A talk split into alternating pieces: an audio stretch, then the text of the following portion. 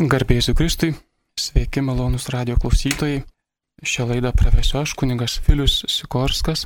Šiandien bandykime kalbėti apie bažnytinę muziką, apie mūsų sakraliąją muziką iš konteksto tiesiog paprasto stebėtojo. Galima turėti ir specialisto nuomonę, bet siūlau žiūrėti į mūsų giesmes, mūsų liturgijos situaciją tiesiog su klausytojo ausimi, širdimi ir galvoti, ar yra kas būtų galima gerinti, pagaliau kaip galėtume įvertinti atskirus mūsų tiesiog fenomenus mišiuose, giesmių pasaulyje, pasirinkime, net ir pačių atlikėjų pasaulyje. Kviečiu paklausyti pirmąjį kūrinį.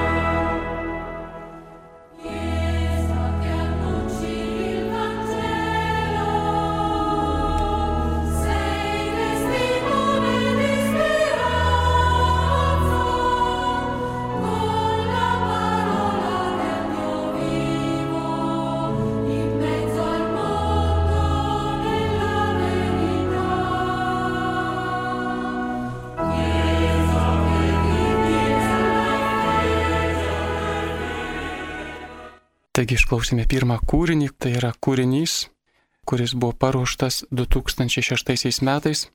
Benediktas XVI šventė šventasias mišes Veronoje.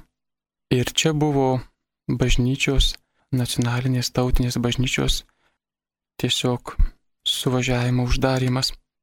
Šioms mišioms popiežius, kuomet dalyvavo, buvo paruošti visi kūriniai, mes girdėjome introitą, būtent įžangos giesmė kūrinius rinko ir ruošė Romos sakraliosios muzikos instituto, popiežiško instituto dėstytojas Alberto Turko, monsignoras, ir mes girdėjome autorių, kompozitorių friziną.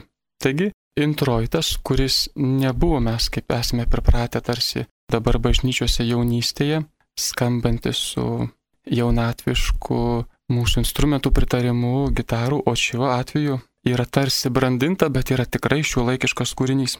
Galbūt atkreipėte dėmesį, kūrinyje buvo vieta, kur gali bendruomenė pritarti, taigi būtų priegesmis ir yra solinė arba choro partija.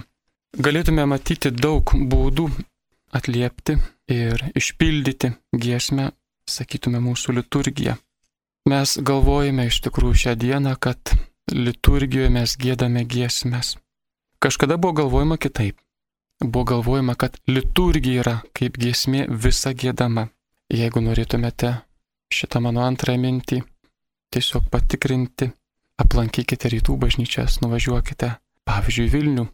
Ir liturginės valandos ir šventos mišios vyksta kiekvieną dieną, visada gėdamos. Ką galėtume pasakyti, matydami mūsų bažnyčioje vakumą.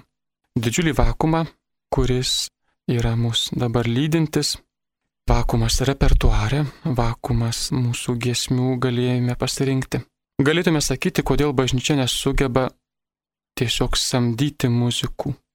Ir jau čia būtų kitas klausimas, beje, tikrai ne šios laidos ir ne mano asmenis klausimas, jums padėti tokį klausimą spręsti. Mes žinome, kad mūsų bažnyčiose paprastai yra vargonininkai, kurie išpildo giesmės funkciją ir jų išsilavinimas, jų pasiruošimas dažniau būna neprofesionalus, labai retai būna profesionalus. Siūlau stebėti, kurie dirba bažnyčioje ir labai siūlau jų neperspausti. Ta, ką mes kviečiame, tas žmogus ir išpildo šią funkciją. Mūsų tautos kultūros lygis šiai dienai, tikrai kultūros lygis yra gerokai žemas. Ir čia kalbam ir apie giesmę, ir apie dainą, ir apie muziką, ir apie daugelį kitų dalykų. Ar yra įmanoma pagerinti mūsų liturgijos lygmenį? Tikriausiai, kad taip, bet nemanykime, kad tai yra kritika, kuri galėtų pagerinti. Kas galėtų padėti mums ir kokiu būdu galėtume mes tiesiog liturgijoje, giesmėje atbusti ir surasti šaltinius arba jėgos atspirties taškus. Klausimus, kuriuos palieku jums. Kviesiu išklausyti dar vieną kūrinį. Tai bus mišių pradžios, tai bus gailesčio akto dalis, beje, iš tų pačių mišių Veronoje. Ir čia mes girdėsime gailesčio aktą. Taigi, gailesčio aktas, kuriame bus šiuo laikiškai sutvarkyta tekstai, bet pateikiami senai tradicija. Tiesiog paklausykime kaip galėtų būti gailėšio aktas, pagalba kantoriaus choro, o kunigo būtų tik pradžia. Kviečiu paklausyti.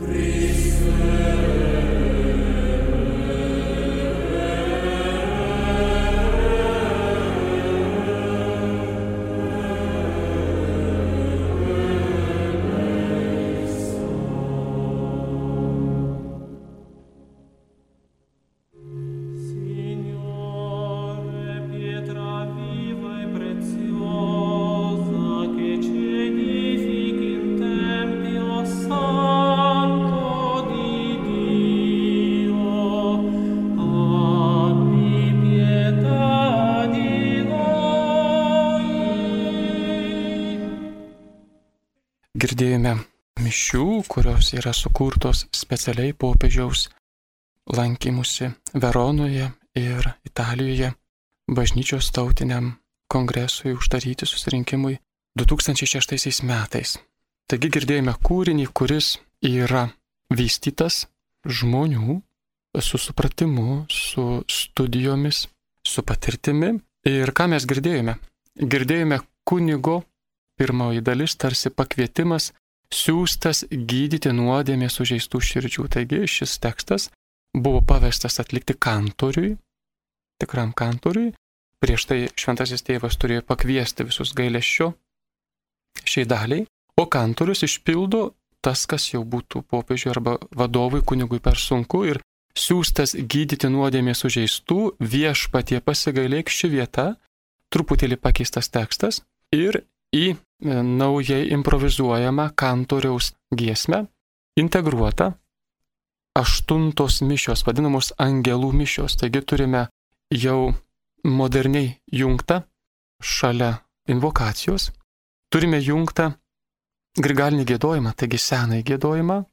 Ir šį grigalinį gėdojimą paprastai atlieka bendruomenė. Tai yra bendruomenė, kuri paprastai moka. Be abejo, bendruomenė buvo ruošta. Ir jau mes turime dar vieną niuansą šios gesmės, senos gesmės, patapusios šviežia, nauja. Turime niuansą tiesiog įtraukti bendruomenę. Vienu iš lengviausių mūsų žinomo grigalinio gėdojimo repertuarų, angelų mišiomis, kur Po bendruomenės sugėdojimo gėda toliau choras, be abejo iškilmingai, keturiais balsais ir šios mišios yra vadinamos alternatim, alternuojamos bendruomenė ir choras. Ir tiesiog alternuojant atliekama kompozitoriaus Italo Bianchi, beje iki dabar dėstančio popiežiškajame Romos sakraliosios muzikos institute kompozicija, tai yra labai senas dėstytojas ir pripažintas kaip autoritetų, taigi jos sukurtos tuomet šeštaisiais metais. Kalbame apie muziką, kuri yra vystyta muzikų, be abejo turėjo būti konkursas, be abejo turėtų būti finansuojama ir, manykime, turi būti specialistai. Norėčiau, kad mes paklausytume daugiau muzikos ir tik neįsigaskite, klausysime visiškai kitą muziką, yra jaunimo kurta muzika. Ji be abejo yra graži, yra vienas kompaktas, kuris yra pasirodęs 2009 metais. Tai yra vaikų ir jaunimo sekmadieninio centro kelias kompaktas. Kviečiu klausyti būtų apie Jėzų, nes mūsų pirmasis numeris pasirodo, kad nesileidžia, klausykime.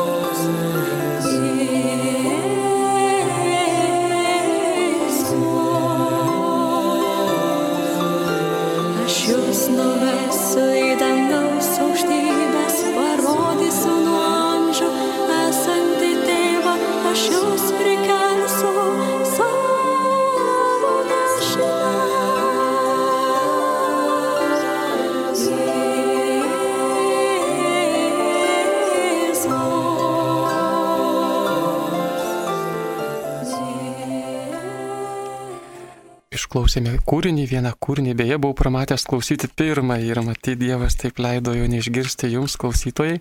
Jisai buvo repuojamas ir labai aiškiai jaunimo stiliumi ir aš buvau davęs mintį, kad tokio stiliaus kūrinys liturgijoje, net ir šlovinimo liturgijoje negalėtų būti.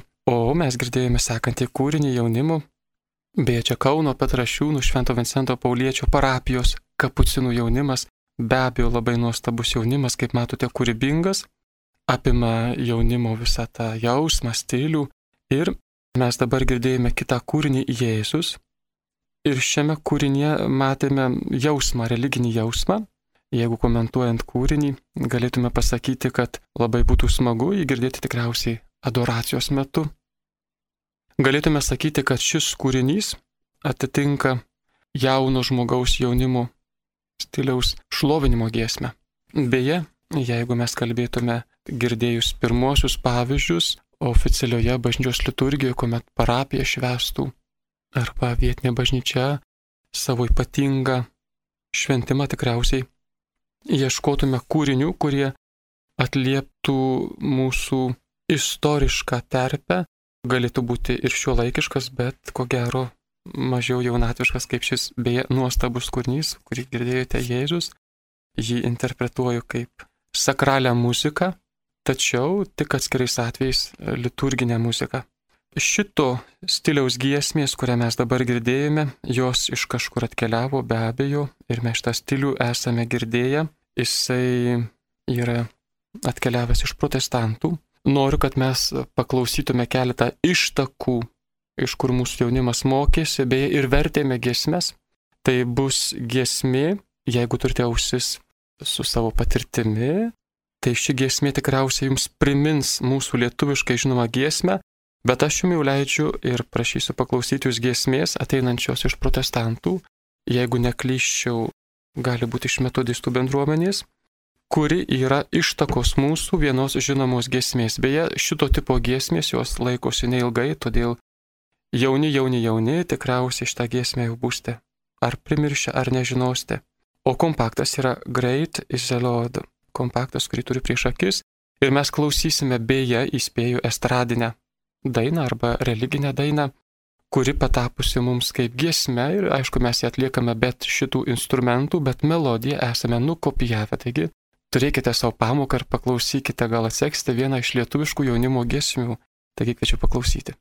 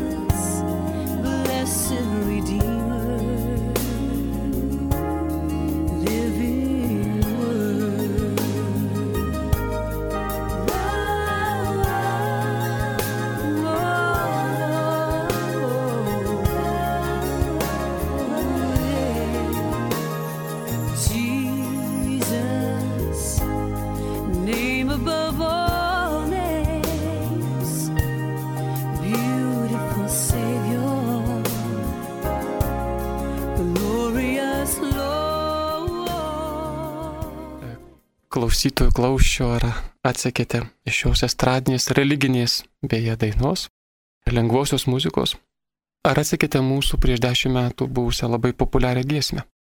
Jėzus, amžinai gyvas ir taip toliau. Būtent ši giesmė, kurią jaunimas labai ilgai gėdojame.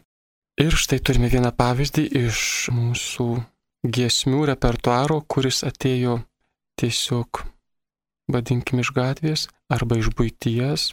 Ir mes neturėdami repertuaro, neturėdami tų, kurie gyventų muziką, būtų paruošti ir kurtų mus vestų savo žiniomis ir savo kompozicinėmis visomis kūrybomis mes patys įtraukėme ir patys vertėme giesmės, taigi turime giesmę, kuri patapusi mums iš estradinės religinės dainos giesme ir beje, jinai labai būtų tarsi sukritikuota dėl savo šio būtiškumo ir aišku, jaunimas ją įtrauks į savo šlovinimus ir tai šlovinimas be abejo gali būti, aš galiu šlovinti viešpatį savo namuose, valgydarydamas, bet ką ruoždamasis ir ši gesmė tokiai terpiai skirta. Iš šito tipo gesmių dar siūlysiu paklausyti vieną giesmę. Viešpatie tau garbė, garbė mano Dieve. Taigi paklausykite šios giesmės ištakas ir tai yra vėl ištakos tos pačios protestantų bendruomenės ir aš sakau, tai bus estradinė religinė daina peraugusi pas mus į giesmę.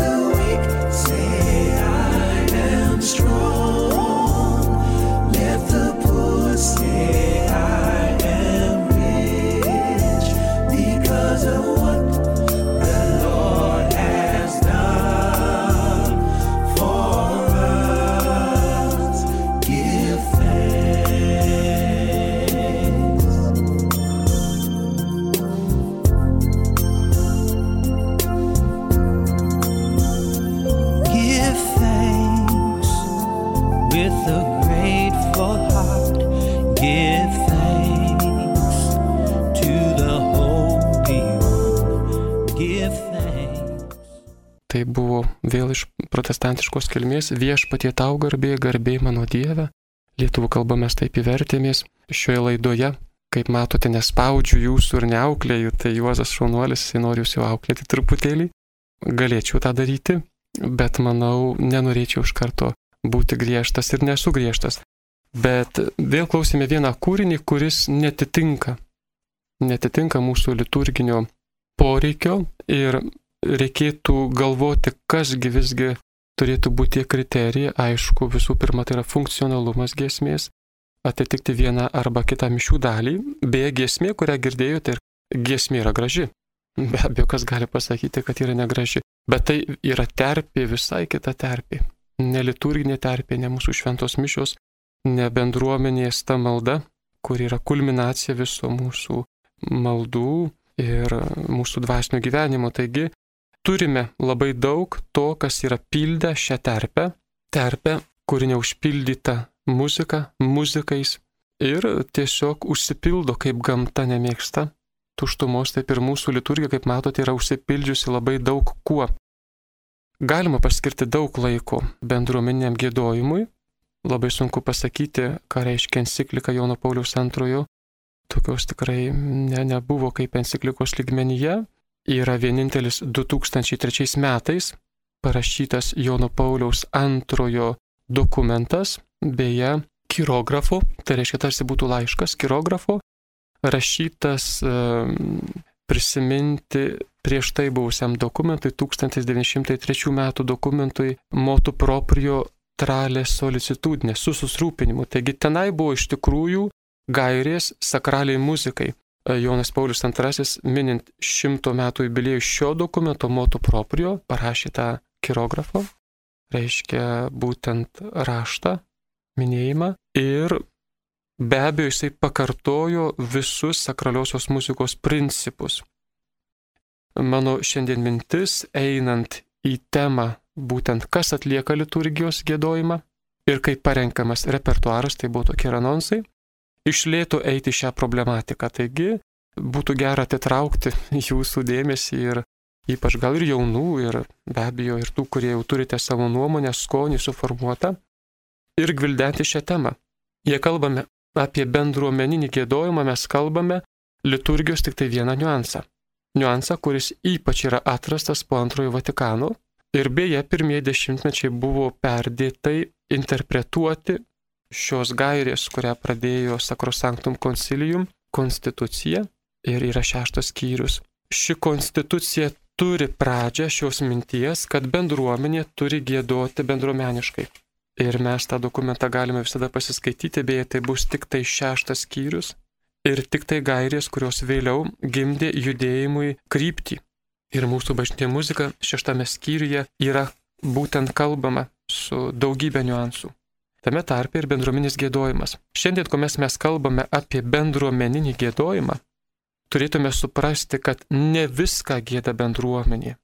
Tai aš jau tada tiesiog šokčiau iš savo pedagoginio taško, kurie supramatė su jumis, mėly radio klausytojai, ir tada jau galėčiau duoti savo tezes. Galima taip daryti ir tezė viena iš tų, kad iš tikrųjų atlikėjai yra ne tik bendruomenė. Mes pamiršome chorą kaip atlikėją, pamiršome kantorių, psalmistą ir pats užsimiršo ir vadovas liturgijos. O visgi pagal dokumentaciją pagrindinis liturgijos vadovas yra jis giesmės atlikėjas. Kuri vieta jums turėtų būti pirmoje vietoje svarbi mišių metu, pavyzdžiui, atliepti. Tikrai sakau, ne komunijos giesmė ir ne aukojimo ir žangos. Visų pirma, bendruomenė turėtų mokėti atliepti atliepus. Viešpat su jumis ir su tavimi aukštyn širdis. Šitie atliepai turėtų būti visi gėdami, ypač iškilmingoje sekmanio liturgijoje. Ir bendruomenė, ji turėtų būti aktyvi atsakyti. Lygiai taip pat yra ir nekintamų dalių, kaip pavyzdžiui mes turime ir tėvę mūsų maldą. Net melodija yra ta pati grigalinė, taigi jeigu norite turėti, reiškia, savo tarsi termometrą bendruomenės bendruomenio gėdojimo, nepradėkite grūsti termometro taip giliai į vadinamas kintamas dalis. Pirmiausiai, bendruomeninis gėdojimas yra patikrinamas, kaip gėdami atliepai į psalmę, į aleliują, į kunigo sveikinimus ir kaip gėdama vadinamos nekintamos dalys. Pradėkite nuo tėvę mūsų, vėliau įtraukite Dievo vinėlį šventas. Tik po to galima galvoti, kad bendruomenė gali perėti ant kintamų dalių, kur tekstai kis pagal liturginės šventės, pagal mišių dalis, nes kitu atveju mes turime labai keistą situaciją, kuri beje yra Lietuvoje, 102 procentinė situacija, yra giesmių mažas arsenalas, mažas repertuaras ir mes tą repertuarą tiesiog atliekame bet kurioje dalyje ir jį skatiname. Turime dar ir keltą klausimų žinutėmis, kiek mačiau, kad dar kažkas bandė kalbėti. Yra kalba vienos mūsų klausytos žinutėje, jog svarbiausia giesmė yra žodžiai. Be abejo, mes prie šito dalyko dar net nepriejome. Iš tikrųjų, tekstas yra labai svarbus. Su tikėjimu, žinoma, su tikėjimu, pasiekti žmogaus širdį, žinoma.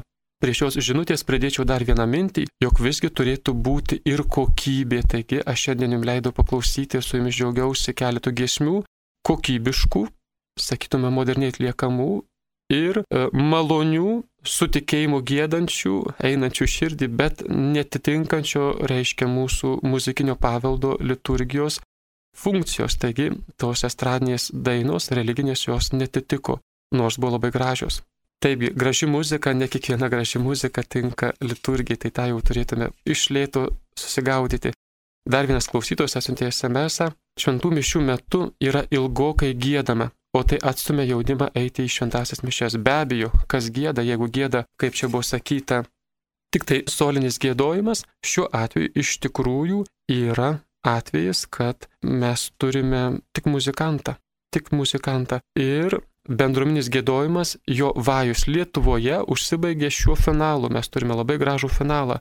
Viena mergaitė, muzikė, atsistojo ir pagėda jums visas šventasias mišes. Tai yra mūsų šios dienos išdava. O aš žadėjau nekritikuoti, tiesiog tik palaikau visus ir sakyčiau, geriausias pavyzdys mūsų istorijoje buvo tikriausiai kompozitorius Naujalis, kuris nemanau, kad kritikavo, bet kviesdavo, darė kursus ir yra tiesiog vykdoma vadinama misija, protinimas, švietimas. Man atrodo, kad šitų dalykų pas mus trūksta. Dar norėsiu, kad mes išgirstume vieną giesmę, kuri tebūnie tikriausiai iš mūsų gerojo repertuaro giesmė, repertuaro, kurį mes turėkime kaip sakralų, liaudiška giesmė Klaipėdos Marijos taikos karalienės Grigalinio gėdojimo grupės atlikta, grupė yra Skola Kantorum Deregina Patsis, visgi kantičkinė giesmė. Šito tipo giesmė ir visos panašios jos ir šiandien skamba ir mus žavi savo gilumu, mūsų liaudiškų modalyje, būtent derminių atžvilgių ir be abejo tekstu.